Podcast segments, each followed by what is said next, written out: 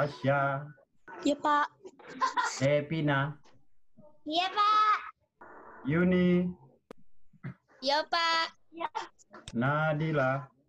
Iya, Pak. Untuk semua, kalau punya kontak-kontak kawannya, infokan saja ke kawan-kawannya, diajak. Yang penting udah niat kita. Hampir menginjak dua tahun, virus corona telah mewabah di Indonesia. Dan selama itu juga, pemerintah memperlakukan seluruh kegiatan pembelajaran di setiap daerah di Indonesia untuk dilakukan dari rumah. Sistem pembelajaran jarak jauh ini dilakukan menggunakan alat digital melalui daring atau online. Jadi selama pandemi COVID-19, guru dan siswa harus berinteraksi secara online atau daring. Pembelajaran daring bertujuan agar anak bisa belajar di rumah saja untuk mencegah penyebaran virus corona. Banyak suka duka yang dirasakan oleh warga sekolah yaitu siswa dan guru dalam melaksanakan sistem pembelajaran ini. Di sini jurnalis kami telah mengambil sampel dan melakukan wawancara singkat dengan para pelajar tingkat SD, SMP, dan SMA yang ada di Kota Bekasi untuk mengetahui bagaimana testimoni mereka terhadap sistem pembelajaran daring. Halo adek, dengan adik siapa? Ya, Famolidia Aldani. Kelas berapa dan sekolah di mana dek? 5B SDN Bojong Rawalumbu 1. Oh iya, ini dek aku ada tugas untuk wawancara mengenai sekolah. Sekarang kan kamu lagi sekolah online. Eh, itu gimana rasanya? Enak. Enaknya sekolah online itu apa?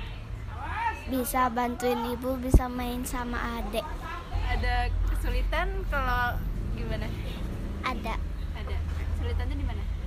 di itu apa namanya pelajaran. Di pelajaran doang atau ada yang lain kalau Pelajaran doang. pelajarin doang?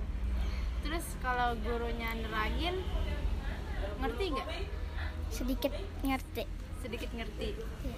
Terus nanya kalau nggak ngerti apa? Nanya sama ibu. Nanya sama ibu. Oh ibu juga itu ikut dampingin. Iya. Oh.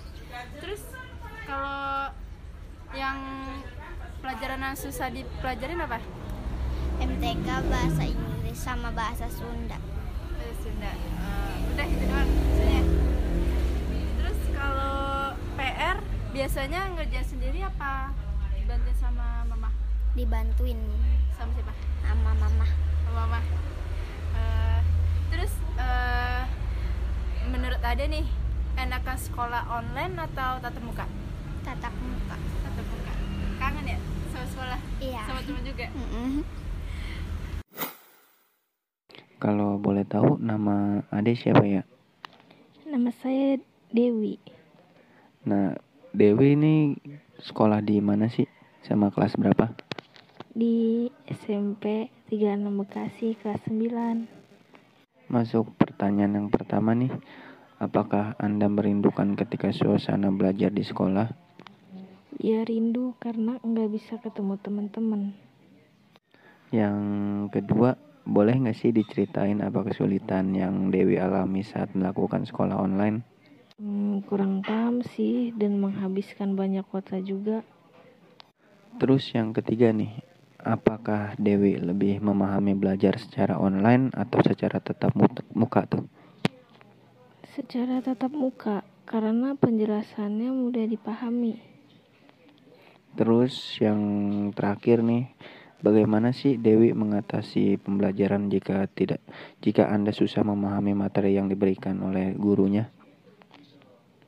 Biasanya saya lihat di internet atau menanyakan guru saya. Di sini gue bakalan ngelempar pertanyaan empat pertanyaan ke lu. Kalau boleh tahu siapa namanya? Muhammad Elvandra Eh, sekolah di mana kalau boleh tahu? SMK 8 Eh, di sini gue mau ngelempar pertanyaan sedikit pertanyaan ke lu ya. Yang pertama itu, apakah anda merindukan ketika suasana belajar di sekolah?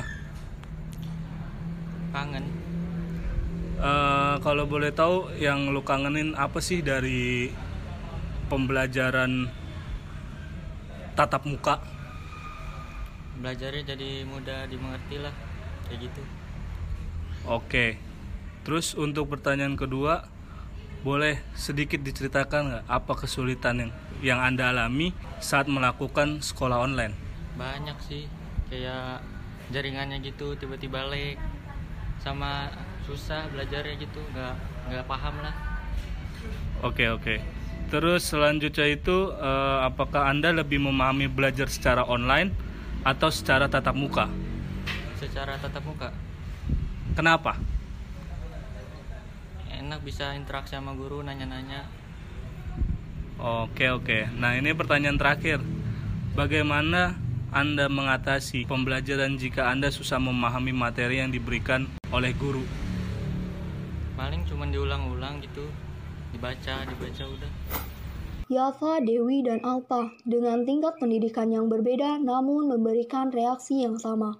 Mereka merindukan sekolah tatap muka. Ketiganya menganggap pembelajaran online sulit dipahami dan mereka lebih memilih belajar tatap muka. Tidak hanya siswa, suka duka juga dirasakan oleh guru, seperti halnya yang dialami oleh Miss Suci Hernisa, seorang guru bahasa Inggris di SMK Widya Nusantara.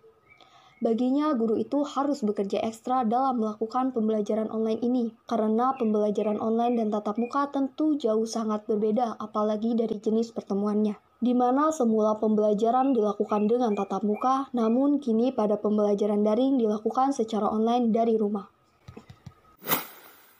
Kesulitannya itu dalam berkomunikasi dengan siswa ketika siswa tersebut tidak disiplin dalam mengikuti proses pembelajaran, alias banyak bolosnya. Misalkan ketika mengikuti pelajaran via Zoom meeting dia nggak datang atau dia nggak hadir gitu.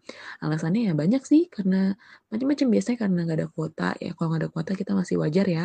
Atau yang mirisnya itu adalah ketika dia bilang dia masih tidur atau kesiangan bangunnya gitu. Karena habis begadang jadi nggak bisa bangun pagi gitu. Terus juga kadang tuh yang eh, menjadi hambatan tuh ketika tugas-tugas itu tidak mau dikerjakan.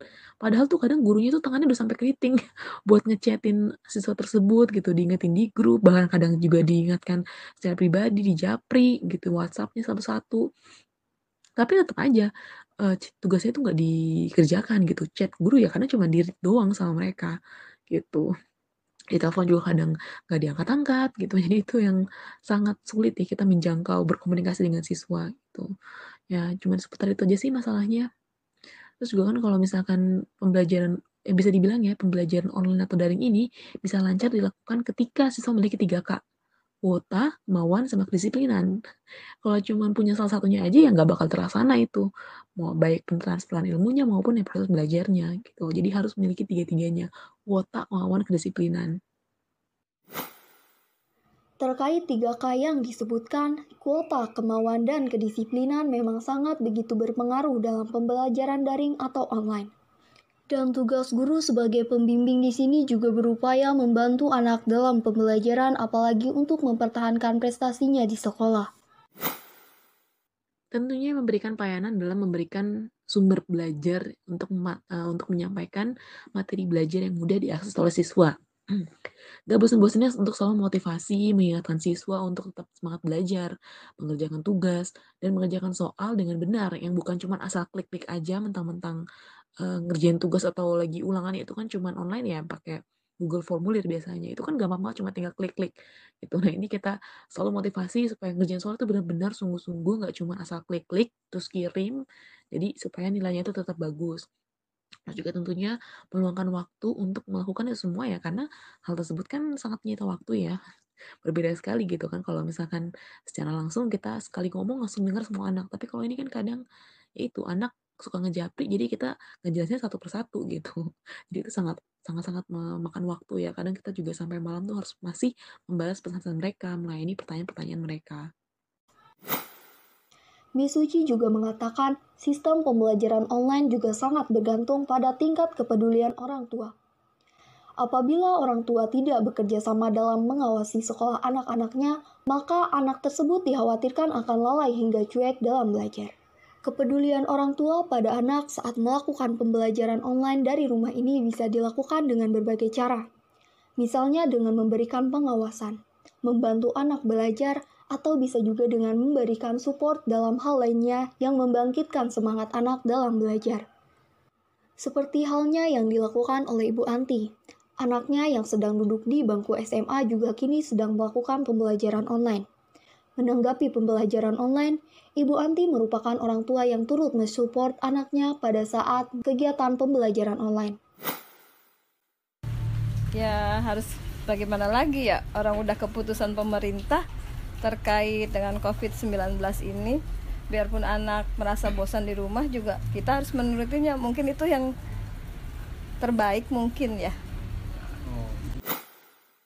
Tidak sedikit pula kendala yang dialaminya. Selain pulsa dan kuota yang boros, Ibu Anti mengatakan bahwa kendala lainnya yaitu ketika anak sudah merasa bosan di rumah.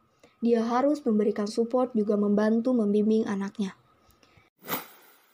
ya kita sebagai orang tua bisa membuat rutinitas yang seperti biasa gitu kayak sekolah biasa membangun anak setiap pagi memberikan dia sarapan. Nah terus membantunya dia untuk mengerjakan tugas-tugas. Apa lagi ya? Ya biar anak senang juga kita berikan cemilan-cemilan gitu biar semangat dalam belajarnya. Itu aja Oh, berarti dengan cara memberikan semangat, support, memberikan makanan gitu Bu Iya. ya yang dia suka mungkin Bu ya. Cuman ya kita seperti biasa lah membangunkan setiap pagi biar terbiasa kayak sekolah-sekolah itu apa Sekolah tatap muka biasa, tatap iya muka, Bu. ya menemaninya terus mengajarkan tugas-tugas yang dia nggak mengerti tapi harus dengan sabar tekun walaupun anaknya agak susah juga biar sabar biar anaknya bersemangat lagi gitu dalam belajarnya Bu ya. Iya. Ya. Demikian liputan jurnalis Irwan Rahmatullah, David Marsiano, Diwanti Salsabila, Salma Dwi Riani, Iksan Arsani, dan saya Nur Rohmawati Bekasi.